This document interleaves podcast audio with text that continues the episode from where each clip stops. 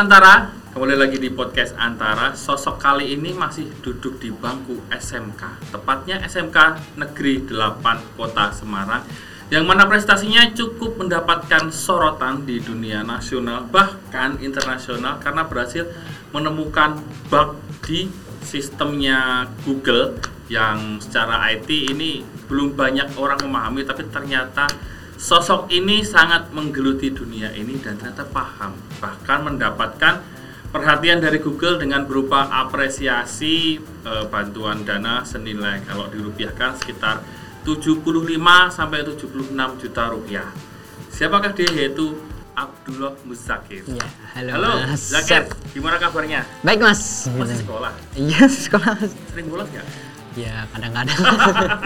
Ternyata ya, Zakir. Eh. Sebenarnya apa yang kamu lakukan? Kalau biasanya saya lakukan ini waktu di rumah ya Mas atau di sekolah nih? Ya, di, rumah, dulu, aja. di. Kalau di rumah sih biasanya aku itu Mas yang pertama hunting-hunting bug di perusahaan-perusahaan gitu kan. Hmm, terus biasanya sih kalau malam ambil kursus sih Mas, kursus gitu belajar. Iya gitu Mas. Kalau siang ya sekolah lah Mas. Gitu. Waktunya tapi nggak ini ya, maksudnya nggak terpecah ya dengan kamu suka kegiatan di luar. Eh, alhamdulillah udah ada to do list sih mas, jadi lebih ke manage waktunya gitu sih mas. Aku langsung aja di penasaran nih. Ketika kamu ngutak ngatik eh, di Google, Ah, itu kan nggak percobaan pertama yang langsung dapat, maksudnya Hmm, langsung iya dong. bisa repot kan. Ceritain gimana itu? Eh, ini ceritanya dari fokus ke awal. dari awal ya. Dari Oke. awal bagaimana kamu menarget Google itu sebagai? Jadi sebenarnya tuh eh, saya sebenarnya dengan tim mas, eh, dengan teman lah partner gitu emang udah suka cari-cari bug gitu mas. Biasanya kita cari di perusahaan Indonesia, terus perusahaan luar juga gitu kan mas. Iya. Nah karena kita udah terbiasa cari-cari gitu, kita bikin tantangan nih mas. Kita bikin tantangan, yuk nge Google, cobalah gitu. Akhirnya udah sepakat tuh eh, bikin targetin Google. Nah kita coba-coba lah cari-cari gitu. Udah empat kali kita report kan, terus ditolak terus kan. Akhirnya laporannya kelima itu sebenarnya sempat mau ditolak mas. Jadi kan di Google eh, Bug Hunter itu ada dua kategori mas. Yang pertama ada vulnerability reward program itu khusus vulnerability. Yang kedua ada abuse risk. Nah abuse risk ini book yang bisa dibilang eh, kayak unik lah mas, unik-unik gitu biasanya. Nah saya nemunya tuh di bagian abuse risk ini. Jadi mungkin saja waktu pertama itu Google ngira kalau laporan saya nggak valid itu kan karena kurang penjelasan mungkin ya. Terus kita sempat adu argumen selama setengah bulan gitu. Akhirnya ya kita bikin video diterima deh gitu sih. Oh, laporannya itu berarti eh, sejak tahun berapa kamu klaim kirimkan pertama kali itu? Kalau akhirnya diterima. Kalau pertama kali sih mungkin di awal 2020 mas itu pertama Awal kali ini. 2020. Terus kalau diterima di awal 2021 ya. Singkat saya gitu sih mas. Kalau boleh tahu bug jenis apa yang kamu serang loh? Eh, itu bug jenis eh, bisnis sih mas, bisnis logic error, sama yang spesifiknya lebih ke BAC atau broken access control gitu sih mas. Apa itu yang menurut kamu wah ini bugnya ini yang membuat Eh, menurut aku sih secara garis besar ya secara singkat aja BAC itu kayak bisa ngakses data orang lain gitu sih mas. Hmm, berarti istilahnya ada potensi data bisa bocor ya? Iya betul mas, Ada, potensi, data, bisa bocor, ketika bug ini tidak dibetulkan oleh Google. Iya benar mas itu Dan sih. alasan pertama Google ketika menolak itu kenapa? Alasannya karena penjelasan saya kurang mas. Penjelasannya Iya kurang detail. mungkin dia salah paham atau gimana gitu kan Hmm. mas, nggak tahu aku juga. Terus ketika dijelaskan selanjutnya, Eh, awalnya nolak lagi mas, Nolak lagi. iya soalnya kan belum jelas lagi. Nah. Kan waktu itu kan juga bahasa Inggris kan kurang-kurang gitu ya mas, awal-awal belajar. Terus akhirnya minta bantuan teman buat bikin eh, laporan yang detail, akhirnya diterima mas gitu. diterimanya itu kamu ditelepon atau langsung dikontak sama pihak Google? Itu diterimanya tuh kayak ada template laporannya sih mas. Eh, kan ada laporan diterima sama ditolak udah ada templatenya sendiri-sendiri. Jadi waktu itu tuh malam-malam mas lagi bergadang kan, lagi bergadang terus eh, buka email gitu kan kaget ada email. Wah ternyata diterima itu seneng happy banget kan mas. Terus akhirnya itu malam-malam itu aku kayak apa ya excited gitu kan kayak senengnya itu "Wah, karena seneng bakal dapat duit tahu bakal Iya iya. atau iya. senang Senengnya itu karena gitu? enggak enggak senengnya tuh Dua-duanya. karena dapat pengakuan dari Google itu mas soalnya itu yang aku incar dari dulu sih mas gitu Dan kamu juga pernah melakukan hal yang sama di perusahaan lain. iya gitu mas di perusahaan lain gitu Tingkat apresiasinya berbeda. berbeda tergantung dari bug yang ditemuin tergantung dari seberapa besar perusahaan itu sama biasanya tergantung dari kebijakan perusahaannya sih mas itu Sebenarnya kan itu kategori hacker ya. Yang Iya. ada black hacker and white, white hacker. hat hacker. Istilahnya hacker yang baik lah istilahnya Hmm. ya. Yang nggak aneh-aneh. Iya. Kenapa kamu eh, memilih jalur mendalami dunia hacker ini meskipun banyak pandangan sosial itu bahwa hacker itu lebih ke konotasinya yang negatif meskipun white hat hacker itu adalah hacker yang baik tapi orang nggak banyak tahu Iya bener mas. Jadi waktu pertama belajar belajar tuh awalnya juga ditolak sama orang tua mas. Kan yang tadi disebutkan konotasi hacker kan kayak. Betul. tabu gitu kan Iya. masih jahat gitu kan. Terus akhirnya saya coba jelasin dikit-dikit sama orang tua. Sebenarnya tuh saya uh, pengen juga atau mau kepincut ke dunia black hat juga mas kan waktu itu kan sempet tuh hack perusahaan dan di dalamnya ada uang banyak gitu kan tertarik. Perusahaan ya. apa itu keuangan Iya keuangan keuangan. kartu kredit Ah, lebih ke financial services sih kayak oke. OVO dana cuma di luar negeri gitu. Nah itu di situ banyak uang tuh mas, hampir ke gocek atau kan mas, hampir tak ambil semua itu kan. sebenarnya kamu bisa melakukan itu ya? Bisa bisa, cuma kan mungkin aku ya? Mungkin karena dari pendidikan dari orang tua kan yang backgroundnya agama jadi masih mikir dua kali buat ambil sih mas. Gitu sih. Wah, eh, oke. Dari mana kamu tahu semua itu Eh, maksudnya dari belajar sejak oh, kapan kan dunia hacker tuh nggak serta merta kemudian belajar dari YouTube dan sebagainya dong. Hmm, hmm. ada waktu di mana kamu harus mendalami menyukai dunia coding dan sebagainya sampai akhirnya menjelajah dunia maya dan masuk ke dunia hacker gitu. belajar Jadi awalnya dari tuh pendidikan di SMK Bukan, bukan mas. Jadi waktu MI itu SD lah. Waktu SD itu emang udah kenal komputer gitu mas. Oke. Ya udah sering main ke warnet gitu kan, pulang sekolah gitu.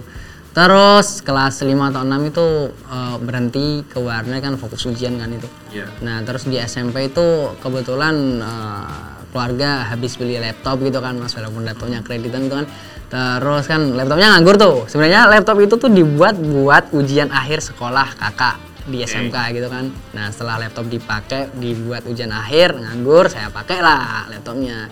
Nah kan dulu kan eh, internet kan nggak ada di rumah nih mas. Iya. jadi mau nggak mau harus ke angkringan gitu kan pesen es teh terus nongkrongnya berjam-jam gitu ya kan jangan-jangan angkringannya kamu hit juga. Pernah mas. Pernah es teh itu. Dapat wifi-nya mas. Oh, wifi. terus eh sampai mana tadi? Ke angkringan gitu ya? Angkringan. Eh, ilmu hacking kan kalau di-upload di YouTube kan biasanya ke take down gitu ya mas Ya. karena menyalahi aturan. Apalagi kan bisa dimanfaatkan gitu kan mas. Nah itu sempat bingung nih. Se- eh, sebelumnya nggak belajar ke hacking dulu sih mas. Sebelumnya belajar ke programming kan. Programming, Eh, eh, terus ngerasa nggak cocok gitu di programming. Akhirnya tiga bulan setelahnya belajar jaringan terus nggak cocok lagi akhirnya terjun ke dunia cyber security nah karena di cyber security ini perlu pemahaman basic tentang programming sama jaringan nah sebenarnya kan udah dapet mas. Jadi masuk ke dunia cyber security ini lebih gampang. Nah terus yang tadi belajarnya dari mana? Kan di YouTube kan jarang ada ditemuin kayak itu mas. Iya. terus saya larinya ke komunitas mas. Dari komunitas lokal. Di situ waktu dulu itu di uh, komunitas arisan security di Salatiga nah di situ mulai deh ikut gathering gitu dipaparin kan biasanya ada gathering buat sharing-sharing gitu kan mas nah, Jadi belajarnya otodidak melalui komunitas itu dia. Iya, otodidak. kalau dulu sih otodidak mas cuma kan sekarang kan udah alhamdulillah kan udah ada uang tambahan jadi bisa ambil kursus sih mas gitu Kalau namanya dari hadiah itu tadi ya. iya alhamdulillah gitu Kamu buat apa aja? Buat beli kursus tabung laptop sama orang tua sih mas Buat upgrade ya. Iya, upgrade. sama foya-foya dikit lah. ya, ya webnya kamu simpan aja. Iya, iya, iya, Terus eh, Zakir, eh, Hmm. ketika kamu menyukai dunia cyber security ini, apakah itu relate dengan eh, jurusan atau sekolah yang kamu ampu ini? Kan aku eh, belajar cyber security tuh waktu kelas SMP mas. Nah waktu ujian akhir sekolah tuh aku bingung nih mau lanjut ke mana. Nah, aslinya tuh pengen di dekat rumah, cuma kan di dekat rumah itu adanya eh, teknik komputer jaringan kan itu jaringan kan dan sebelumnya kan aku nggak tertarik ke jaringan gitu akhirnya eh, cari-cari lah eh, SMK apa sih yang sebenarnya cocok buat cyber security. Nah, ketemulah jurusan RPL. Walaupun sebelumnya nggak suka programming juga, tapi aku tuh ngerasa kayak aku butuh ilmu ini buat eh, mantengin cyber security aku gitu sih mas. Sekolah mendukung kamu nggak atau dan program-programnya yang ditawarkan kurikulum sekolah kamu Mungkin kalau nggak karena sekolah, mungkin saya juga nggak bakal menang kayak kompetisi-kompetisi lomba hacking gitu ya mas. Karena kebetulan sih waktu dulu tuh sering diajuin lomba gitu kan, sering dapat informasi tentang uh, lomba lomba hacking gitu. Iya. Jadi ya itulah fungsi sekolah mas. Terus kalau fasilitas sih paling di di sini difasilitasi itu sih mas fleksibilitas waktu jadi bisa mm, bisa ngerjain project terus kalau kiranya project udah selesai bisa atur kegiatan yang lain gitu sih mas Berarti di luar sekolah ini kamu ada kegiatan yang ternyata kegiatanmu itu disupport oleh pihak sekolah untuk biar kamu lebih berkembang. iya benar mas Oke. itu sih Pertanyaan selanjutnya setelah lulus dari SMK 8 Mm. mau ke mana? Mm. Kan kamu udah ada kegiatan dan sudah tahu nih arahnya. Iya sebenarnya masih bingung sih mas mau ke mana. Cuma sih pengennya aslinya sih pengen di luar kota kak ITB UGM gitu mas. Cuma kan karena masih kangen lah sama orang tua gitu. Ya akhirnya pengennya ke Undip sih mas. Pengen ke Undip gitu. Jurusan apa kira-kira? Jurusan IT mungkin mas. TI gitu kan. Te- Teknik informasi. Project apa sih yang pengen kamu kembangkan nantinya? Yang saat ini udah kepikiran tapi aku pengen ngembangin cuman belum ada eh, kesempatan dari waktu atau sponsor gitu. Ah, project apa ya? Itu paling project yang aku garap seka- saiki mas. Ah, sekarang lah sekarang. Ah, itu kayak project eh, buat pentest itu service pentest buat ke perusahaan-perusahaan. Kebetulan kan saya ada tim buat pentest juga. Jadi ya saya pengen ngembangin itulah teman-teman saya gitu. Itu sih. Mas. Teman komunitasmu itu di sekolah juga yang sama atau ada di Eh, kebetulan kan komunitasku banyak nih mas. Ada yang di sekolah, ada yang di luar, ada yang di luar juga ada teman sekolah. Jadi benar-benar nyampur gitu mas. Banyak soalnya ya kalau bisa sih cari komunitas banyak-banyaknya sama cari teman lah biar nambah relasi juga. dan itu white hacker semua, white hat hacker. Iya, Atau white hat hacker Ada semua. yang iseng-iseng juga. Aku kayaknya sih ada cuma aku nggak tahu sih. Gitu. Untungnya kamu menemukan komunitas yang tepat ya. Mm, gitu. Jadi gini mas di situ tuh awalnya juga pengen jadi black hat. Nah tapi tuh aku ketemu sama satu orang gitu kan mas yang jadi ya bisa dibilang mentor gitulah. Itu namanya Mas Daniel Kristanto. Dia yang ngebimbing saya, yang ngarahin saya, yang biasanya ngasih ilmu, yang biasanya sering update tentang uh, apalagi IT kan stay up to date terus ya mas. Iya. Uh, biasanya sih kita belajar bareng gitu. Jadi benar-benar dituntun sama dia sih mas aku mas sampai ke white hat hacker gitu. Menurut kamu, untuk anak seusia kamu, Hmm. apa yang harus dilakukan teman-teman yang lain kalau pengen belajar atau mendapatkan prestasi yang sama seperti Zakir? Oke. Mereka harus gimana nih? Mungkin dari pengalaman aku ya mas. Eh, dari pengalaman aku sih yang pertama cari komunitas sih mas. Cari komunitas gitu. Terus cari teman yang banyak. Terus juga kuat-kuatin iman aja lah mas karena. Kenapa itu? Ya karena kan. Jujur yang Iya, yang black hat Iya. black hat itu kan sebenarnya bayarnya lebih gede, lebih gampang. Cuma kan itu kan ya dosa ya mas ya. Jadi ya kuat-kuatin iman aja lah. Soalnya kan uh, white hat hacker itu kan karir path-nya jelas kita bisa dapat pekerjaan. Jadi nggak ada resiko lain gitu lah mas selain di penjara gitu. eh nggak ada resiko gitu kan. Iya. Kalau di black hat kan ada resiko tuh di penjara gitu kan. Jadi ya dan gitu eh, sebenarnya perusahaan itu akan mengapresiasi dan bahkan memperkerjakan mungkin ya kalau memang black atau oh, sorry white hat hacker itu ternyata dia memang dibutuhkan untuk eh, pengembangan corporate-nya. Nah, Iya benar-benar. Zakir sendiri udah banyak tawaran belum? Eh, kalau dibilang banyak tawaran sih sudah banyak ya mas cuma kan karena ada kegiatan lain kan jadi ya nunggu lulus aja lah mas gitu Lulus dulu iya nunggu lulus gitu Oke, terima kasih Zakir sudah main di podcast Antara. Harapan saya nanti ya, tolong bisa ganti password saya email. saya cetak itu ilmu saya. Jadi mudah-mudahan nanti ke depannya Zakir bisa memberi contoh yang baik Amin, bagi eh, teman-teman yang lain. Dan Amin. setelah ini segmen selanjutnya aku akan konfirmasi nih ke kepala sekolahmu gimana sih Oh, kelakuannya is. Zakir. Siapa tahu sering bolos ternyata waduh di luar memang main komputer, tapi ternyata komunikasinya untuk bagus ya. Iya. Thank you. Zakir.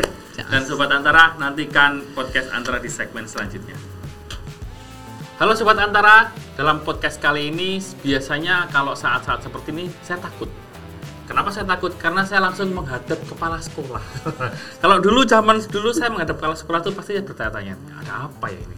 Apa ada yang salah atau saya belum bayar atau saya ada masalah sesuatu? Nah, ternyata saya sedang ada di salah satu sekolah yang cukup luar biasa yaitu SMK Negeri 8 di Semarang. Saya langsung bertemu dengan Bu Harti sebentar lagi. Siapa Bu Harti? Nah, ini kepala sekolah salah satu yang mana siswanya itu mendapatkan prestasi yang eh, menemukan bug di Google yang mendapatkan perhatian khusus di nasional bahkan dari Google sendiri bisa menghubungi eh, siswa tersebut tapi ini langsung nih kepada tenaga pendidiknya dan supervisinya yaitu dengan Bu Harti gimana kabarnya Bu Harti?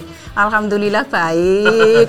saya biasanya takut bukan ke depan sekolah karena takutnya saya belum bayar atau bolos Bu Arti ini sangat menarik Bu ternyata eh, di SMK 8 Negeri 8 Semarang akhir-akhir ini kan eh, mendapat perhatian dari nasional salah satunya eh, dari anak didik ibu eh, Zakir yang mendapatkan eh, hadiah dari Google karena menemukan bug di sistemnya gimana Bu pendapatnya? ya, terima kasih ya untuk anak kami Abdullah Muzakir. Kami sering panggil Kak Zakir ya. ya. Untuk eh, siswa ini adalah siswa kelas 12 ya. Eh, jurusannya rekayasa perangkat lunak. Nah, tentu saja dari sekolah eh, bangga dengan eh, prestasinya sebagai bug hunter ya. Dan ini eh, harapannya ini menjadi profil profil siswa SMK Negeri 8 Kota Semarang. Ya. Gitu. mendapati eh, anak didiknya yang berprestasi, apa sih Bu yang harus dilakukan eh, sebagai seorang tenaga pendidik khususnya Ibu sebagai kepala sekolah untuk gimana nanti ke depannya biar muncul zakir-zakir yang lain ini banyak. Nah, benar ini. Bagaimana muncul Iya. eh, Kak Zakir, Kak Zakir yang Jangan cuma kebetulan kan. berikutnya benar. Labelnya itu. ya, kalau di SMK 8 Semarang sih sejak eh, sejak sebetulnya sejak pandemi. Sejak 2020 ya, ketika menghadapi pandemi eh, kami sekolah maupun Dinas Pendidikan dan Kebudayaan Provinsi Jawa Tengah dan Direktorat SMK semuanya kan mencari format bagaimana eh, pembelajaran di era pandemi. Dari situ justru muncul ide-ide kreatif. Iya. Nah, banyak pelatihan-pelatihan berbasis daring, ya lomba-lomba berbasis daring. Dari situ kami eh, ini identifikasi identifikasi potensi bakat siswa maupun potensi sekolah yang dimiliki. Saat itu kita memiliki eh, kita ikuti program-program antara lain Camp Kreatif Siswa Indonesia. Nah, eh, banyak sih eh, salah satunya itu kami identifikasi, kami fasilitasi termasuk setiap siswa per kelompok itu kita dampingi dengan satu guru. Dimonitoring, dievaluasi kelemahannya apa. Kemudian ini justru menjadi awal bagaimana sekolah bisa berjejaring antara lain dengan eh, ahli-ahlinya termasuk ini awal membentuk kelas industri cyber security di SMK 8 Semarang. Nah, dari kelas industri ini harapannya kan eh, bibit-bibit yang sedang bertumbuh ini akan terasa nanti akan eh, mendapatkan link-link dari industri-industri ya. Selain Kak Zakir ini memang unik istimewa. Eksplor dirinya juga luar biasa ya. dari sekolah eh, memfasilitasi Salah satunya juga bagaimana anak-anak istimewa ini waktunya termanage dengan baik karena dari industri kan justru sudah melirik, melamar, ya merekrut. Nah, bagaimana sekolah juga berjalan pekerjaan eh, eh, industri-industri yang sedang merekrut maupun universitas yang melirik itu eh, terjalin. Ya. Maka kita bentuk tim-tim, ya tim-tim ini bisa tim pembelajaran dan tim penilaian sehingga Kak Zakir ini bisa belajar di rumah ya sekolah memfasilitasi tidak ada lagi tagihan eh, dari semua guru yang justru dalam tanda petik nanti merepotkan ini passionnya tidak bisa Tagihan pesat. tugas ya bu. iya iya Kalau gitu saya sekolah di sini dulu. Bu. oh iya Biar jadi tagih sama mata pelajaran lain ya bu. Tapi saya Iya. nggak punya prestasi.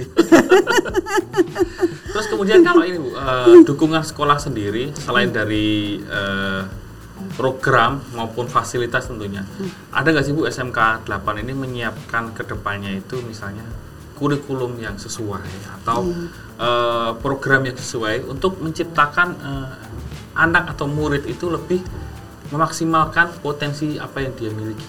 Nah ini pas banget ini. Nah, ini. Iya pas banget. Jadi teringat eh, kata Mas Menteri ya bahwa kalau sekolah itu kan diibaratkan eh, belajar renang di kolam renang. Ya, bagaimana nanti anak-anak kami bisa berenang di laut bebas. Nah, ya itu. iya. Nah, Tantangannya lebih besar ya. Iya benar. Untuk itu eh, antara lain pembelajaran ini kami setting dalam bentuk project. Jadi eh, project based learning ya. Kalau dulu ya, saya siswa saya akan menghadapi 14 guru, 14 Ya. mata pelajaran. Iya. Sekarang tidak lagi. Satu project ya, misalkan Kak Zakir eh, passionnya di cyber security. Iya. Masa maka 14 mata pelajaran ini eh, fokusnya ke sini. Bagian bahasa Indonesianya ya ke cyber security, matematikanya ya ke sini. Iya. Eh, iya, termasuk olahraga, agama, ini eh, integratif, kolaboratif. Nah, ini membuat pembelajaran menjadi simple. Juga anak ini berkembang ya enjoy saja di pelajaran. Ini yang ini sudah masuk ke semester ketiga di SMK 8 Semarang. Sampai penilaian akhir semester juga begitu. Jadi tidak ada lagi tes apalagi tertulis di akhir semester tidak. Ya, Tapi mengurangi lebih teorinya tidak harus Betul, banyak. gelar tapi, project, ya. Mas. Dan ini gelar projectnya, industrinya datang, orang tuanya datang, Oh, dan oke. itu kita berani live streaming. Oh, Dan misalkan guru bahasa Inggris, pertanyaannya in English, English. jawabannya in English. Guru bahasa Jawa, pertanyaannya bahasa bahasa Jawa. Iya, ya, iya. jil. Sehingga itu apa ya, anak-anak menjadi out the box lah. Oke. Ya, ini. Berarti memang eh, menurut Bu Harti sendiri sebenarnya baiknya program-program yang eh, selama ini di sekolah tuh harusnya memang diintegrasikan dengan bakat dan minat dari siswa sendiri ya Bu. Benar, agar anak-anak itu sekolah itu ya se- seperti bermain, seperti Ki Hajar Dewantoro katakan, sekolah itu sebagai taman bermain. Iya. Iya, nyaman, anaknya nyaman, gurunya nyaman, tamunya nyaman juga kan. Betul. Kalau dulu kan saya sering izin ke UKS Bu, karena mau ulangan matematika. Sekarang tidak ada lagi, Iya. tidak ada lagi guru serem. Iya, Ya, betul. semuanya guru idola. Guru idola. Nah, tapi kan ada eh, permasalahan, bukan permasalahan, tapi ada challenge-nya Bu. Tantangannya kan eh, berarti seorang guru harus terus beradaptasi dan istilahnya mengikuti perkembangan zaman bahwa ini anak bukan harus selalu duduk di dalam kelas yang bukan satu arah lah istilahnya pendidikannya itu bagaimana bagaimana Bu untuk memberi pemahaman kepada guru khususnya yang langsung berhadapan dengan anak didiknya yang kecepatan belajarnya itu mereka sangat cepat di zaman sekarang. Iya, benar sih. Karena eh, sekarang tuntutannya kan anak-anak kita harus kita sesuai eh, guru ya, guru kepala sekolah harus menyesuaikan dengan tuntutan pembelajaran abad 21. Nah, bagaimana eh, kami guru bahkan karyawannya pola pikirnya juga harus sesuai dengan tuntutan abad 21. Jadi awalnya kita eh, open mindset dulu. Iya. Kita duduk bersama, kemudian eh, workshop Ya, open mindset, kita undang ahlinya. ya, Iya. mengosongkan gelas lah ibu ibaratnya. Iya, betul. Kita sampai lima kali workshop ya. Akhirnya pola pembelajaran yang dulu misalkan reguler satu anak harus 14 tagihan itu sekarang sudah eh, berproses eh, sudah semester ke tadi sudah semester ketiga bahkan sekarang guru tidak lagi malu untuk belajar dari siswa, Siswa. seperti Kak Zakir ini eh, itu menjadi guru gurunya guru ya kak ya ini bisa menjadi guru seperti Kiki Hajar Dewantara katakan Iya. setiap orang menjadi guru Kak Zakir ini sekarang menjadi gurunya ini sudah menjadi mindset bersama sih Iya. Iya. Terakhir, Iya. bagaimana sih Bu, eh, harapannya ke depan sebagai seorang guru, khususnya Bu Arti sebagai kepala sekolah, memandang challenge bahwa eh, ini murid dan guru ini harus istilahnya bareng-bareng belajar. Nah, harapannya seperti apa nih dengan adanya kurikulum Indonesia yang mulai disesuaikan ke arah seperti itu? Ya, harapannya eh, setelah proses ini sudah sudah move on ya kita Ya. anggap ini sudah move on harapannya bagaimana ini dipertahankan ya kadang perubahan itu ketika baru beberapa kali proses perubahan kadang suatu saat mungkin kita ingin mundur dulu ah ya ya, ya, maksudnya mundur boleh tapi siap-siap untuk Ya, maju untuk itu sebetulnya pemerintah itu banyak program-program untuk upskilling, reskilling. Banyak program-program update eh, kompetensi guru. Tinggal bagaimana di sekolah itu menciptakan budaya, kepala sekolahnya ya mempermudah. Gurunya mau upskilling dua minggu silahkan. Ya, kompetensi berkembang di sekolah juga eh, berkembang. Ya. Kadang kan maaf ya Mas, kadang kan tidak boleh guru pergi meninggalkan kelas. Ya. Justru boleh, pergilah kulaan ilmu. Ya, ilmu ya, pergilah. Ya kita eh, ket- apa semacam dalam tanda petik kelasnya ditinggal. Tapi kan sekarang anak-anak juga biasa kan belajar jarak jauh. Betul. Di remote juga biasa. Bisa. Mereka kerja remote juga biasa. Terbiasa pembelajaran tidak tatap muka. Bu. Iya, itu hikmahnya. Ya. Iya. Iya. Baik, terima kasih Bu Arti sudah main di podcast Antara. Demikian Sobat Antara podcast bersama dengan Bu Arti, salah satu kepala sekolah bukan salah satu memang satu-satunya kepala sekolah di SMK 8 Negeri Kota Semarang yang mana memiliki visi yang cukup eh, visioner bagaimana agar guru dan murid ini sama-sama belajar di eh, satu bidang yang bisa disesuaikan dengan adaptasi zaman. Jangan lupa saksikan podcast Antara di YouTube Antara TV Indonesia, Spotify di podcast Antara dan di Noise di podcast Antara dan juga di kanal video antaranews.com. Sampai jumpa di podcast selanjutnya.